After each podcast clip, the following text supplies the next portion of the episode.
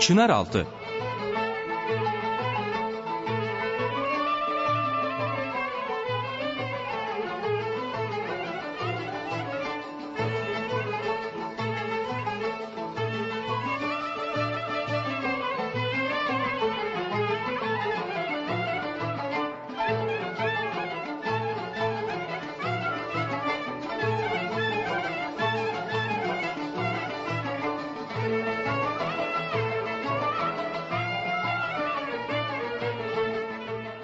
Merhaba değerli dinleyiciler.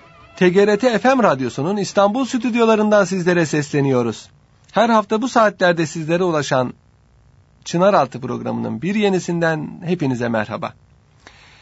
Programı açmadan evvel hepinizi sevgi ve saygıyla selamlıyor ve hep beraber programa kulak veriyoruz.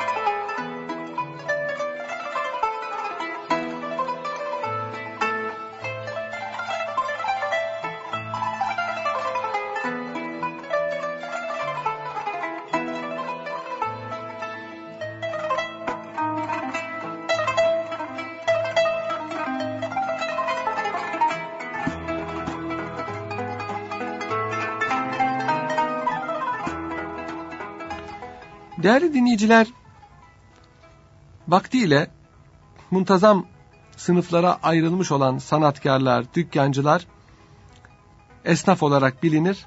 Malum sınıf çoğuludur esnaf. Yorgancı esnafı gibi, bakırcı esnafı gibi ve dükkanlarda veya bir iş işleyen veya öteberi satan kimselere esnaf denirdi. Esnaf ketüdaları vardı. Her esnafın hükümetçe efendim işlerini gören ve kendilerinin kefaret işlerine, sahil işlerine bakan esnaf ketüdaları vardı. Vergilerini toplardı. Esnaf loncaları vardı. Bugünkü odalar gibi. Eski cemiyet hayatımızda geçim yolunu devlet kapısı dışında arayıp da ticaretle, zanaatle meşgul olmak ve bir dükkan açıp da imalathane kurmak öyle kolay değildi. Gedik denilen bir tahdit vardı. Her sınıf esnaf ve sanat erbabı 17. asır sonlarına kadar tariki fütüvvet veya tariki hirfet denilen topluluklar kurmuşlardır. 18. asır başında da onların yerine esnaf loncaları kurulmuştur. Orta çağ usulüdür bu gedik. Ticaret ve zanaati belli tahtitlere tabi tutar. Nedir bu gedik? Dükkan veya imalathane e, serbest iş yeri bunun sayısı dondurulmuştur. Mesela İstanbul'da 200 tane terlikçi dükkanı vardır. 18. asır için söylüyoruz. Hatta 17. asır için söylüyoruz. Yeni bir terlikçi dükkanı açılamaz. Bu dükkanlardan bir tanesi de kapatılamaz. Hatta dükkanlar hüviyet de değiştiremez. Mesela Çemberli Taş'ta bulunan bir terlikçi dükkanı çarşı kapıya nakledilemez. Böyle bir nakil için devletin izni şart. Kontrol altında tutuluyor. Neden böyle yapılıyor? Ekonomiyi kontrol altında tutmak için. Her esnaf zümresinin tariki fütüvvet veya tariki hirfetleri, sonraları da esnaf locaları, loncaları o zümrenin gedik sahibi ustalarıdır. Bir Türk lonca kurabilmek için bir esnaf ve zanaatkar e, erbabının zümresinin gereği kadar kalabalık olması lazım. Gereği kadar kalabalık olmayan zanaatkarlar müstakil lonca kuramazlardı. Ve iş bakımından, zanaat bakımından kendilerine en yakın olan kalabalık esnafa tabi olurlardı. Yamak esnaf denirdi bunlara. Mesela kaltakçılar, gedelekçiler tekelciler, yularcılar, kamçıcılar, palancılar Saraç esnafının yamaklarıydı. Kaltak eğerlere, kaltaklara, kaltakçı eğerci demek, gedelekçi de onlara köseleden büyük ok kuburları dikenlere gedelekçi derler. Tekelciler de eğerin altına hayvan sırtına örtülen pamuklu bez dikenlere verilen isim. Yular, kamçı malum, palancı malum, eşek semeri. Bunlar hep Saraç esnafının yamaklarıydı. Paşmakçılar, kavaflar, çizmeciler, meşçiler, terlikçiler, eskiciler de papuççu esnafının yamaklarıydı. Bazı büyük işlerde de esnaf loncası patronlar tarafından kurulurdu. O patronlar sayesinde yaşayan esnaf aynı yolda müstakil çalışan fukara esnaf onlara yamak olurdu. Mesela natırlar ve dellaklar hamamcıların, kalafatçılar, gemi marangozları, urgancılar, yelkenciler, ziftçiler, katrancılar, serenciler, başka gemi tulumbacıları, pusulacılar, efendim gemi saatçileri, haritacılar, dalgıçlar hep kaptanların yamaklarıydı. Pereme kayık marangozları, kayıkçılar, mavnacılar da Akdeniz kaptanlarının yamaklarıydı. Öbürleri Karadeniz kaptanlarının, bunlar da Akdeniz kaptanlarının yamaklarıydı. Aynı loncaya bağlı yamak esnafın ayrı gedikleri olurdu. Yani her bir esnafın gediği olurdu.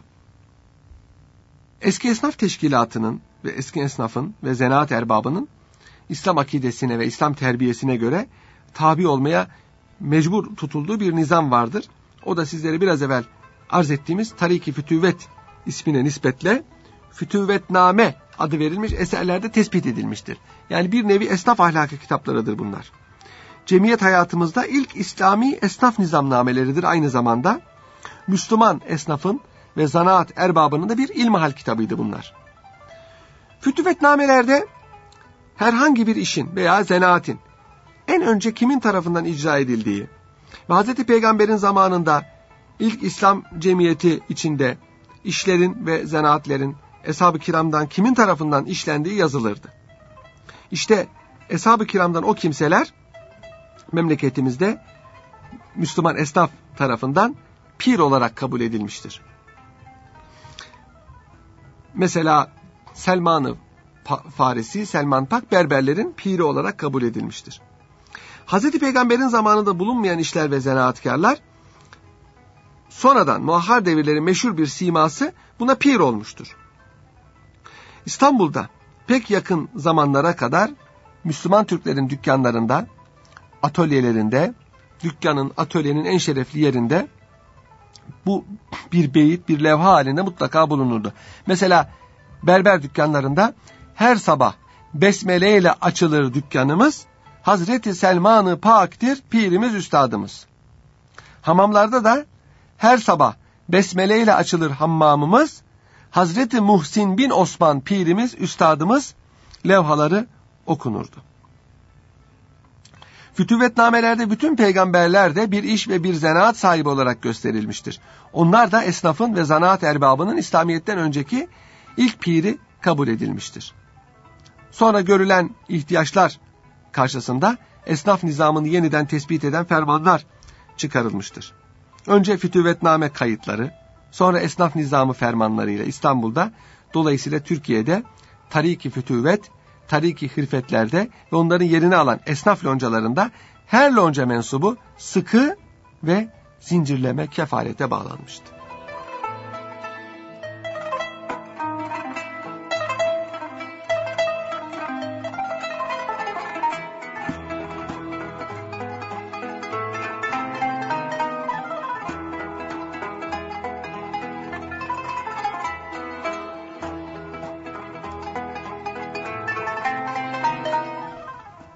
Esnaf gediğinin sahibi ölünce dükkanı veya imalethanesi o işin başında bulunmak, çalışmak şartıyla evladına kalırdı. Evladı yok ise veya baba mesleğini terk etmiş ise o gedik mahlul, boş sayılırdı. Lonca tarafından kendi başına dükkan veya imalathane sahibi olmaya layık bir kalfaya devrolunurdu çırak olarak ustanın yanına giriyor, çalışıyor, çalışıyor, kalfa oluyor. Usta olması için bir gediğin boşalması lazımdır. Bu gedik de ya sahibi ölecektir veya satılacaktır. Yoksa kendisi gidip bir dükkan açamaz.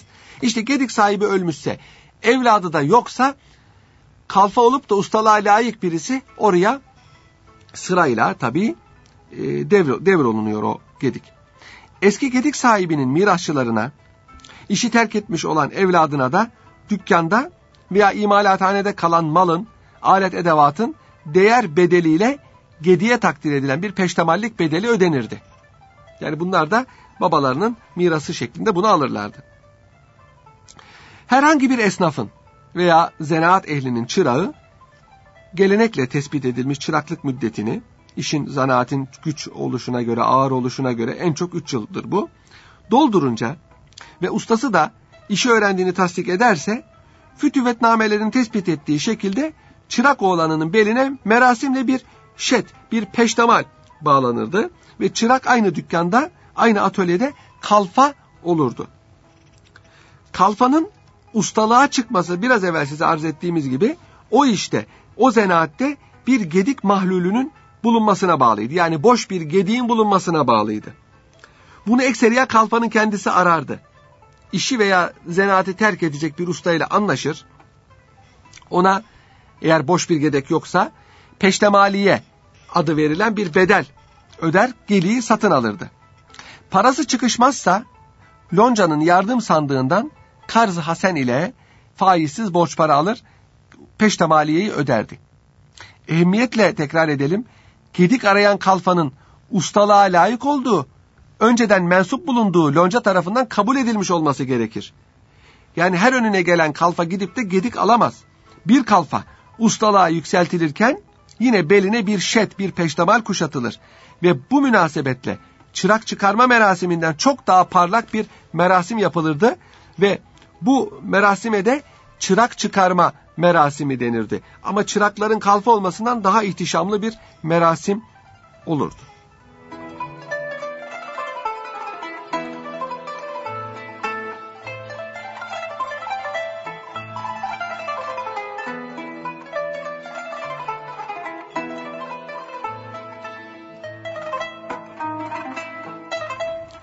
Efendim 17. asra asrın sonlarına kadar Lonca zamanında İstanbul'da ve dolayısıyla Türkiye'de esnaf teşkilatını kimler idare ederdi? En başta şeyh bulunurdu. 17. asır sonuna kadar Tariki Fütüvet, Tariki Hirfet'in yani loncaların reisiydi. Bu tariki, bu loncayı kuran esnaf tarafından kaydı hayat şartıyla seçilirdi. Bu seçime o tarike bağlı yamak esnaf katılmazdı. Şimdi mesela kavaf esnafıysa mesela sahtiyancılar katılmazdı. Sadece e, ayakkabıcılar katılırdı. Biraz evvel arz ettim ya yamak esnaf onlar katılmıyor. Tariki kuran esnaf zümresinin namlı, yaşlı ve faziletli bir siması şeyh olurdu. Esnaf şeyhlerini dini tarikat şeyhleriyle karıştırmamak lazımdır.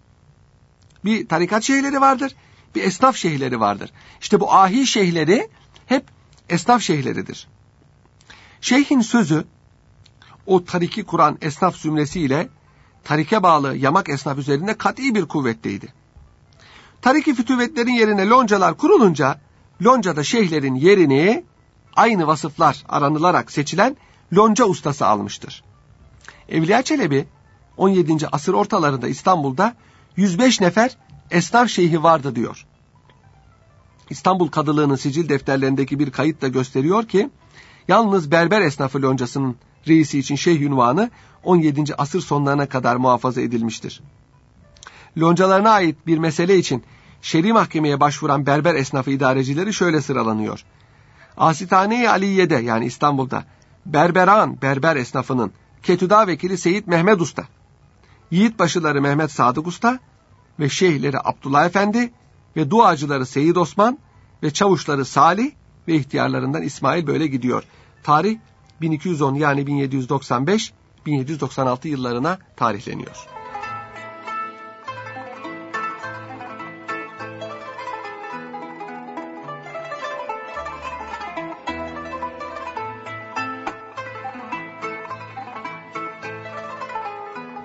Şeyh'ten başka bir de nakip vardı değerli dinleyiciler. Nakip, tariki fütüvetlerin, tariki hirfetlerin yani esnaf topluluklarının idare amiriydi. O tariki, o esnaf e, takımını, topluluğunu teşkil eden esnaf zümresiyle ona yamak olan esnaf zümrelerinin bütün işlerini bu görürdü.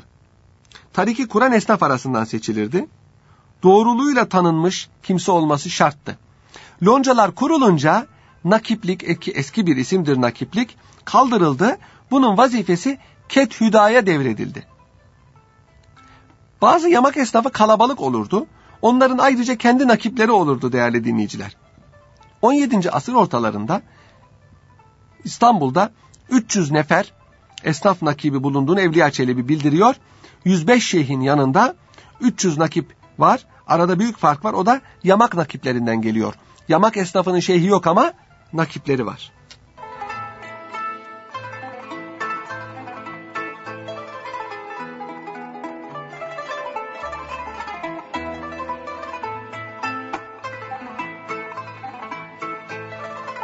Duacılar var. Duacıların esnaftan olması şart değildi.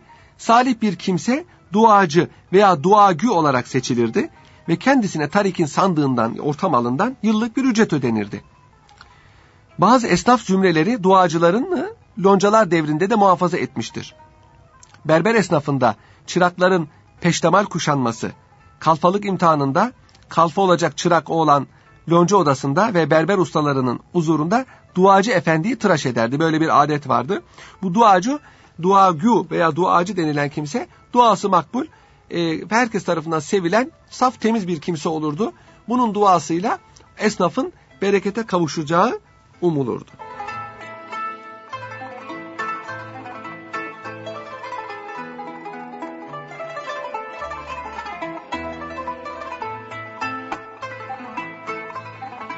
Bir de çavuş vardı değerli dinleyiciler. Esnaf tarikinde bir nevi inzibat zabitiydi. Mesul, suçlu olan esnafı şeyhin riyasetinde nakip ve esnaf ihtiyarlarının teşkil ettiği tarik divanında sorguya çekilmek üzere çavuşlar gider çağırır ve alıp getirirlerdi. Esnaf ve zanaat erbabı çavuşun davetine hemen uyarak gitmeye mecbur idi. Yamak esnafının çavuşları kendi zümreleri içinden seçilirdi. Evliya Çelebi kendi devrinde yani 17. asır ortalarında 415 nefer esnaf çavuşu vardı diyor İstanbul'da. Aynı yüzyılın sonlarında çavuşların yerini yiğitbaşılar almıştır.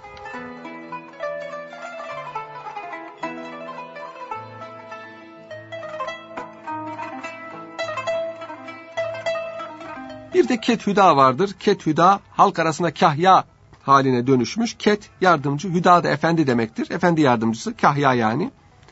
Eski esnaf teşkilatında önceleri tariki fütüvet, tariki irfetlerde ve sonraları esnaf loncaları zamanında bunlarla hükümet arasında vasıta olan kimseydi. Ketüda, kahya. Esnaf ketüdalığı, kahyalığı loncada hükümeti temsil eden resmi bir memuriyet idi. Hükümet tarafından tayin edilir veya azledilirdi. Önceleri tarik, sonra da lonca sandığından gündelik hesabıyla maaş alırlardı. Tarikin veya loncanın zenginliğine göre maaşları değişirdi. İşi de mesuliyeti de çok ağır bir memuriyet idi. Esnaf ketüdalarını kendi işlerinden birisi olarak esnaf seçerdi. İstanbul Kadılığına da bunu arz ederdi. Kadılık tahkikatını yapar. O zaman çünkü İstanbul Kadısı belediye başkanıydı. Bütün kadılar bulundukları yerde belediye reisiydi. Seçilen zatı eğer ketüdalığa, esnaf ketüdalığına layık görürse hükümetçe tayini yapılırdı. Bazen de bir esnaf ketüdalığına o esnaf zümresinin dışından birini hükümet münasip görür ve tayin ederdi. Mesela 17. asırda meşhur Mustafa Itri Çelebi, bestekar, musiki şinas, esirciler ketüdalığına böyle tayin edilmişti. Kendisi esirci olmadığı halde esirciler ketüdalığına hükümet tarafından tayin edilmişti. Çünkü esirci esnafı kritik stratejik bir esnaftır. Hükümetçe esnafa yapılacak olan tembihler, esnaftan istenecek yardımlar, narhlar, esnafa bu ketüdaları vasıtasıyla bildirilirdi. Esnafın hükümetten istekleri ve bazı şikayetleri de hükümete keza ketüda yani kahya vasıtasıyla arz olunurdu. Bir esnaf ketüdasının başlıca vazifesi de ketüdası bulunduğu esnaf zümresinin esnaf nizamına ve narha yani kar haddine riayetini temin etmek ve esnafın haklı isteklerini, yerinde şikayetlerini hükümete layık olduğu ehemmiyetle duyurmak ve bunların tahakkuk etmesini temin etmekti. Bu bakımdan bir esnaf kahyasının, esnaf ketüdasının hem esnaf arasında hem de hükümet nezdinde itibarlı, şerefli bir kişi olması lazımdı. Vazifesinin şerefini müdrik olmayan bir ketüda, uygunsuz esnafın türlü yollardan hilelerine, hırsızlıklarına rüşvet karşılığı göz yumabilirdi. Ve böylece sonu kendisi için çok tehlikeli de olsa büyük menfaatler sağlayabilirdi. Esnafı murakabe, kontrol bahanesiyle esnafa zulmedebilir ve bu yoldan bazı menfaatler sağlayabilirdi. İşte onun için esnaf kahyasının çok dürüst, güvenilir, şerefli bir kimse olması lazımdı. İstanbul Kadılığı sicil defterlerinde ketüda tayini ve ketüda azli ile alakalı çok sayıda evrak vardır. Esnaf ketüdalığı Cumhuriyet e, devletin son zamanlarına kadar devam etti. İttihat ve Terakki başa gelince 24 Nisan 1328 tarihinde yani 7 Mayıs 1912 tarihinde bir talimatname çıkararak esnaf ketüdalığını kaldırdı. Fakat İttihat ve Terakki Fırkası siyasi mücadelelerinde ve bilhassa mebus seçimlerinde esnafın servetinden ve esnaf kalabalığının reylerinden istifade etmek için esnaf teşekküllerinin başına katibi mesul ünvanı ile birer ketüda, birer esnaf kahyası tayin etmek zorunda kaldı. Cumhuriyet ilan edilince artık esnaf ketüdalığı katı olarak kaldırıldı. Fakat zamanımızda iskelelerde sancal, sandalcı nöbetlerini, durak yerlerinde taksi ve otomobil nöbetlerini ve bazı faal iş yerlerinde arkalıklı hammal nöbetlerini idare eden kimseler hala kayıkçılar kahyası, taksi kahyası, hammallar kahyası ünvanlarını taşımaktadır.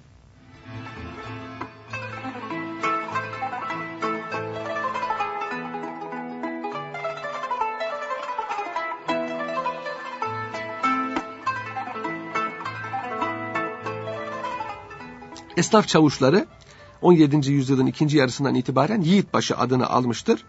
Loncalar kurulduktan sonra da Lonca'nın Lonca'daki mevkii Ketüda'dan sonra gelirdi Yiğitbaşı'nın. Yiğitbaşılar da esnaf arasından seçilirdi. Bir de esnaf ihtiyarları vardı değerli dinleyiciler.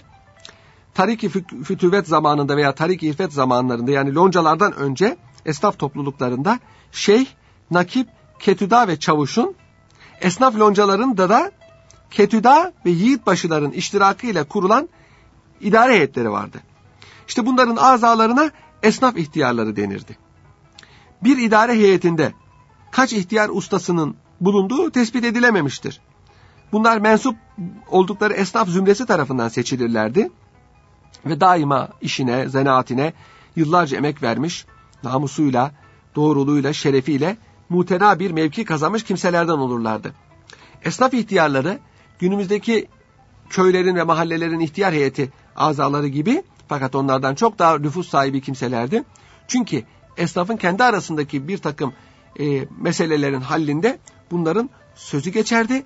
Esnafın usulüne uygun iş yapıp yapmadığının murakabesinde, standartlara uygun mamül üretip üretmediğinde, esnaf ahlakına uyup uymadığının tespitinde de esnaf ihtiyarları icabında hüküm verecek, ceza verecek seviyede kimselerdi.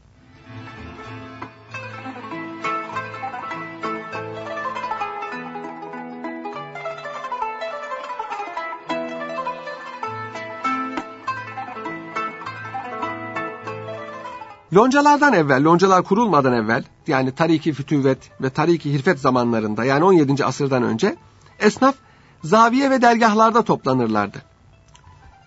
Zaviye ve dergah adı verilen yerlerde toplanırlardı. Her tarikin vakıf demirbaş eşyası ve esnaf sandığı vardı. Bunlar da o dergahta, o zaviyede bir odada muhafaza edilirdi. Çırağa peştemal kuşatma, kalfayı usta yapma yani çırak çıkarma merasimleri de işte buralarda yapılırdı. Tariki fütüvet, tariki hirfet bunlar 17. asrın ikinci yarısına kadar devam etti. Onların yerine 17. asır başlarında esnaf loncaları kurulmaya başlandı. İşte bunun başlıca sebebi esnaf zümreleri içinde bulunan ve büyük kalabalık teşkil eden gayrimüslim esnaf ve zanaat erbabının durumudur.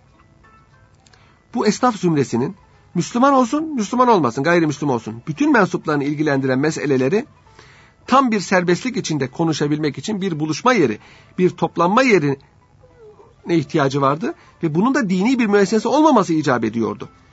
Eski zamanlarda tariki fütüvvetler, tariki hirfetler aynı zamanda bir tarikatın kolu olabiliyordu ve bunlarda dini hava hakimdi. Ancak gayrimüslim esnafı da içine alabilmesi için bunların yerine loncalar kuruldu. Loncalar daha dünyevi müesseselerdi ve azaları hem Müslüman hem gayrimüslimlerden müteşekkildi. Loncalar her esnaf zümresinin toplu olarak bulunduğu ve aynı zanaatı işler kişilerin çalıştığı bir çarşı boyunda bir han içinde açıldı. Ve idarelerinin başına da şeyh ile nakip yerine ketüda ile yiğitbaşı geçti. Esnaf loncaları bir müddet sonra aynı ketüdanın reisliği altında Müslüman ve gayrimüslim loncalar olarak bölündü ve bu loncalar kendilerine ayrı ayrı Müslüman ve gayrimüslim birer yiğitbaşı seçtiler. Bir ferman var İstanbul Kadısı'na gönderilmiş 1764 tarihli. O ferman niçin loncaların böyle ikiye ayrıldığını sebebini gösteriyor. Diyor ki İstanbul Kadısı'na hüküm ki İstanbul'daki zimmi yani gayrimüslim terzi esnafı Divan-ı Humayun'u arza hal verip ketüdaları olan İsmail ile onun oğlu ve yiğit başıları olan Halil'den şikayet etmişlerdir.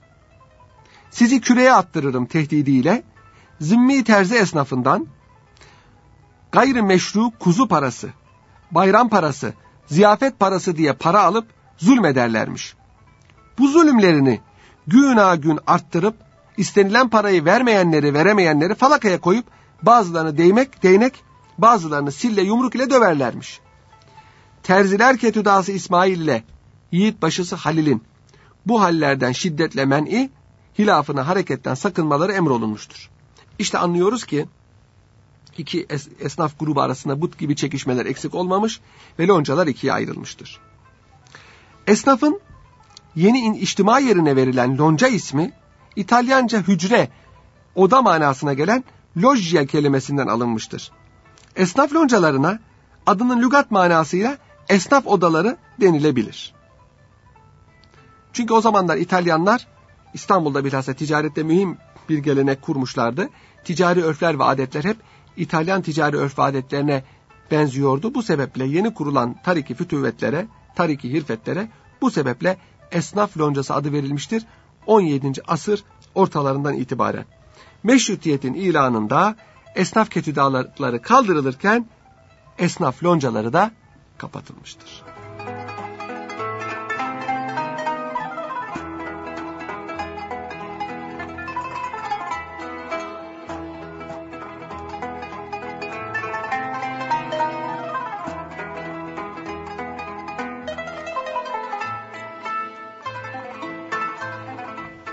Yeri gelmişken esnaf sandıklarından da bahsedelim.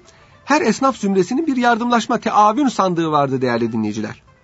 Tariklerde şeyhin ve nakibin, sonra loncalarda ketüda ile yiğit başının nezareti ve mesuliyeti altındaydı. Neydi esnaf sandıklarının gelir kaynakları?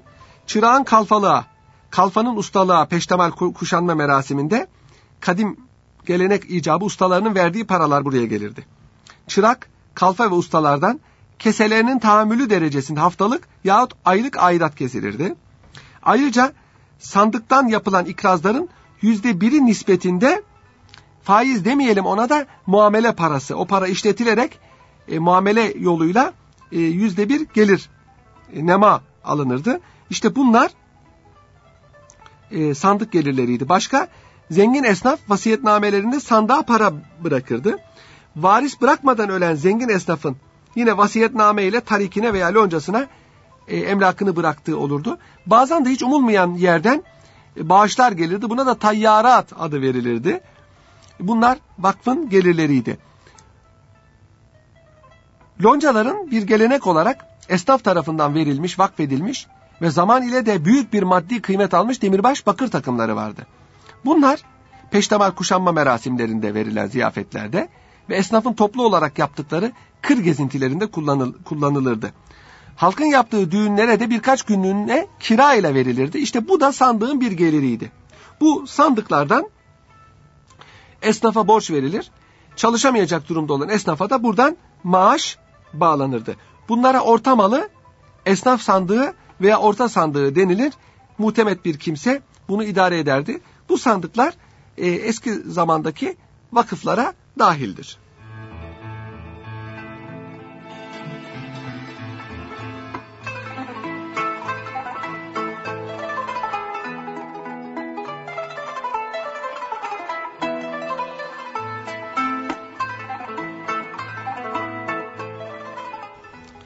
Hanlardan ve çarşılardan da bir nebze bahsedelim.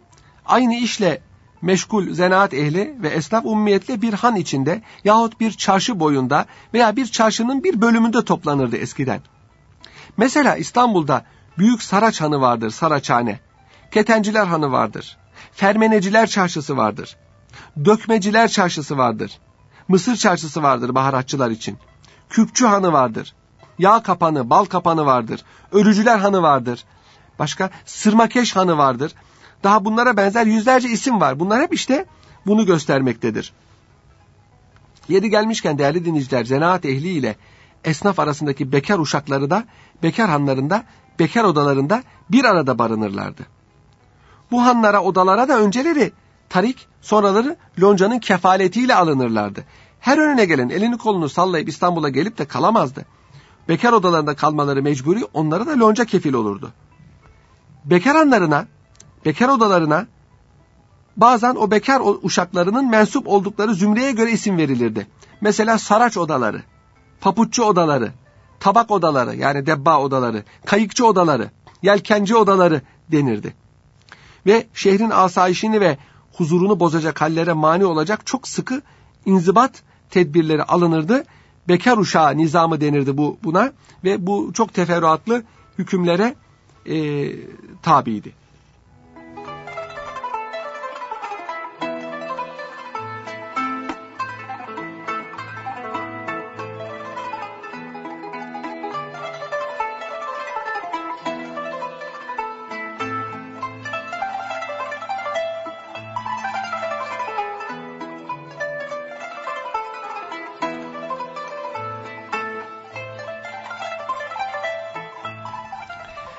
Gelmişken peştemal kuşatma ve çırak çıkarma merasiminden de bir nebze bahsedelim. Sonra vaktimiz kalırsa eski İstanbul esnafının e, da makbul olan ahlaktan, edepten bir nebze bahsedelim.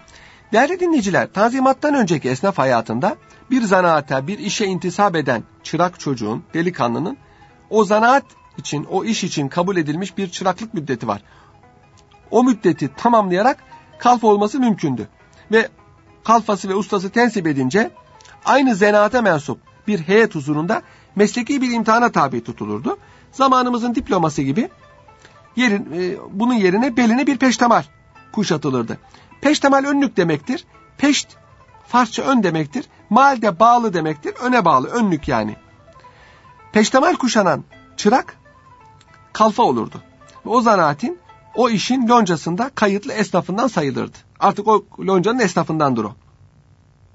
Esnaflık gedik usulüyle sınırlanmış olduğuna göre müstakil dükkan sahibi usta olması bir dükkan gediğinin mahlule çıkmasına, boşalmasına bağlıydı. Bir kalfa ya varis bırakmadan ölen ustasının yerine yahut aynı zanaat, aynı iş üzerinde diğer bir ustanın ölümü üzerine mensup olduğu lonca erkanınca ustalığa layık görülürse ikinci defa olarak bir ustalık peştemali kuşanırdı. Esnaf arasında bu ustalık peştemali kuşatma merasimine çırak çıkarma denilirdi. Yani kalfa da aslında çırak sayılıyor. Müstakil bir dükkanı olmadıkça, imalathanesi, dezgahı olmadıkça kalfa da çırak sayılır. Çırak çıkarılan, yani dükkan sahibi olan kalfa da peştemal kuşanır iken, İslami akidelere, İslami geleneklere dayanan esnaflık, ahlak ve terbiyesine bir imtihan verirdi. Bu vesileyle bir nevi tarikat ayinine benzeyen merasim yapılırdı. Tanzimattan önceki devirde her Müslüman esnaf zümresinin kadim hatıralara dayanarak dini bir tarikat ile yakın münasebetleri vardı. İslami Esnaf Teşkilatı, İslami akide ve ananelere dayanan esnaflık ahlak ve terbiyesinin esasları ve peştemal kuşanma, çırak çıkarma gibi merasim bir nevi esnaf ilmihali denilen kitaplarda tespit edilmişti. Daha önce sizlere arz ettik. Bu kitaplara fütüvvet name denirdi. Çırak çıkarma merasimindeki imtihan işte bu fütüvetnamelerdeki malumat üzerine olurdu. Esnaf peştemalini hamam peştemalinden ayırt etmek için mutasip titiz yazarların elinden çıkmış eski metinlerde esnafa kuşatılan peştemal aynı manada şet kelimesiyle ifade edilmiştir. Fütüvetnamelerde de bu kelime kullanılmıştır. Şet de Arapça kuşanma manasına gelir. Evliya Çelebi fütüvetnamelerin kaydıyla kendi müşahedelerini birleştirerek çırağı peştemal yani şet merasimini peştemal kuşatma yani şet merasimini şöyle anlatıyor. Evvela o esnaf zümresinin nakibi Şakirdin yani çırağı Şakirt denirdi. Sağ elini kendi sol eline alıp mecliste hazır olanların huzurundan geçirip seccadesinde oturan pirin yani esnaf tarikinin şeyhinin önüne getirir. Esselamu aleyküm ya ehlü şeria der. Pir de aleyküm selam ya ehlü tarika vel marife vel hakika diyerek dört kapı selamı ifade eder. Nedir dört kapı? Şeriat, tarikat, marifet, hakikat. Bunlar tasavvufi mefhumlar. Sonra Şakirt yani çırak besmele çekip geri geri giderek kapının yanına varır. Çünkü büyüklere arka dönmek ayıptır. Orada durur. Şakirt'in sağ tarafında nakip, sol tarafında da çavuş olduğu halde tekrar ortaya gelirler. Ve Şakirt meclis huzurunda zenaati, işi üzerine marifetini arz eder. Yani yaptığı bir işi, bir eseri arz eder. Ayakkabıcı esnafı ise bir ayakkabı arz eder. Makbule geçerse meclisi teşkil edenler bu zatı posta müstahak gördük. Allah mübarek eyleye derler. Fatiha okunur. Tekbir alınarak Allahu Ekber, Allahu Ekber denilerek ve Hazreti Peygamber'in dört yare aşkına zikir söylenir. Kerbela şehitleri ve 12 imamda yağ olunur. Çünkü tarikatlarda onların hep silsilesi vardır. Nakip 170 tarikatın kurucularını teker teker yad ederek ruhlarını şad eder. Sonra Şakir'de ustasına teslim eder.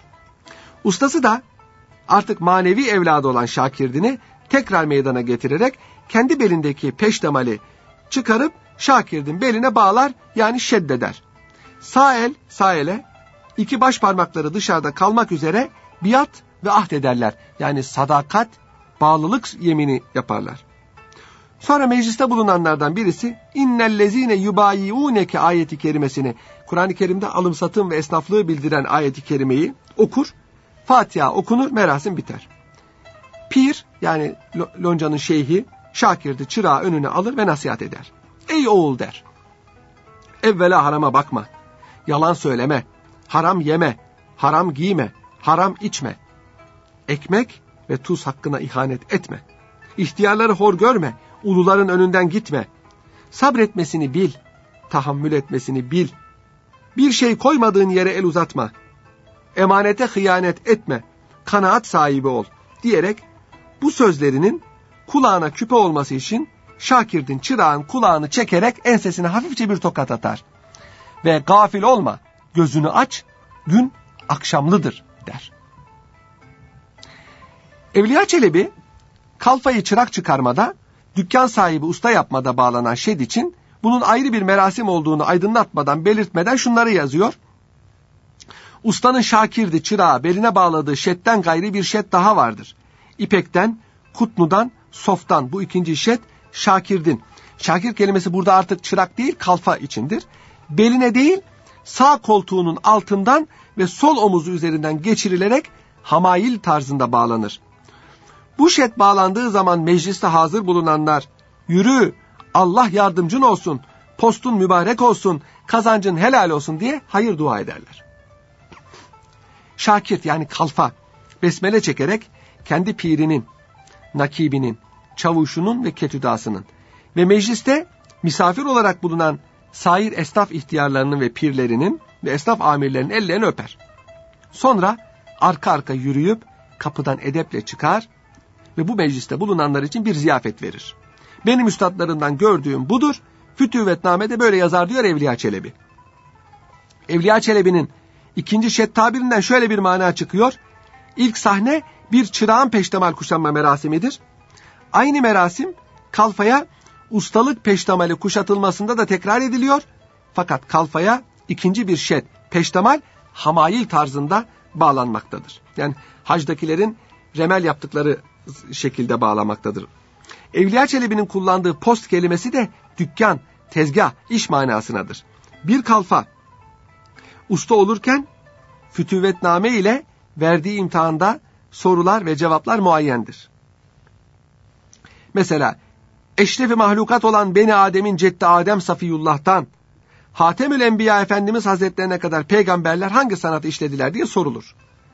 Talebe, çırak, Hazreti Adem çiftçiydi. Hazreti Şit kazzaz ve hallaç idi. Hazreti Hud tüccar idi.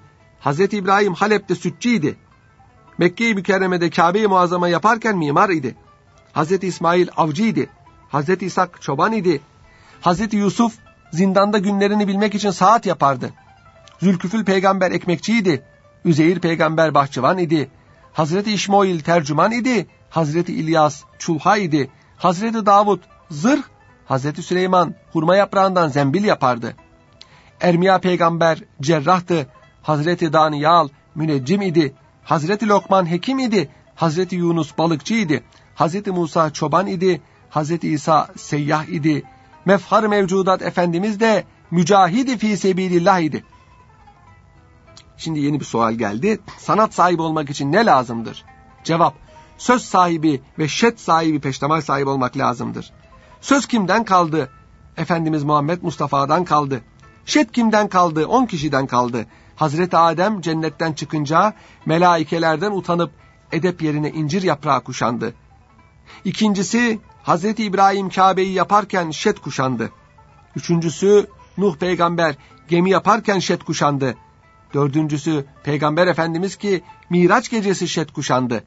Beşinciden onuncuya kadar Hazreti Ömer, Hazreti Osman, Hazreti Ali, Hazreti Hamza, Hazreti Halid bin Velid peygamberlerden mezun olup şet kuşandılar. Sual, şettin manası nedir? Cevap, şeytani nefs ile daim mücadele edip vesveseden kurtulmadır.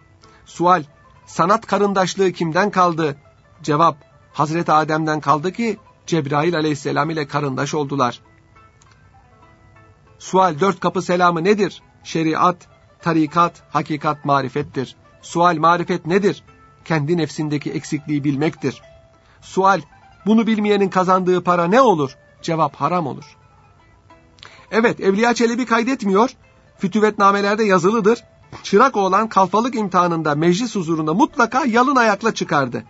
Eşiği atlamadan yüksek sesle şu kıtayı söylerdi. Eşiğimde komuşum ben canuser, ta vücudum ola safi hem çüzer. Eşiğimde hacetim budur benim, kim kılasın ben fakire bir nazar. Sonra eşiği önce sağ ayağını atarak atlardı ve selamün aleyküm ey erenler ki dünya varlığını terk edenler derdi. Sonra el öpmek üzere pirin yani şeyhin önüne vardığı zaman da şu kıtayı söylerdi. Şem-i tevfiki hidayettir yüzün. Sureti haktan işarettir yüzün. Ehli tevhide beşarettir yüzün. Haccu ihramu ziyarettir yüzün. Bu merasim değerli dinleyiciler esnaflığın tarik-i fütüvvet ve hırfetler devrine aitti. Hiçbir kayıt olmamakla beraber loncalar devrinde de kısmen tatbik edilmiş olduğu zannedilmektedir.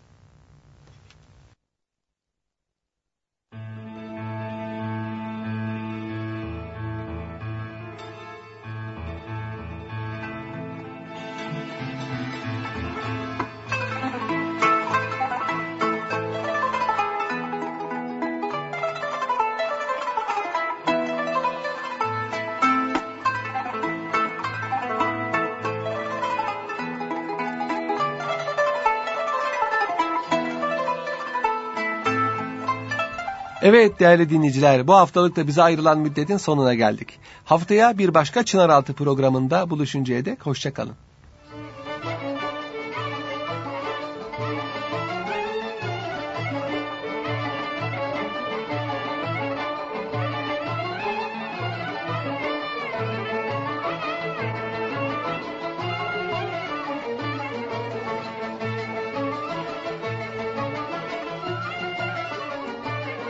Çınaraltı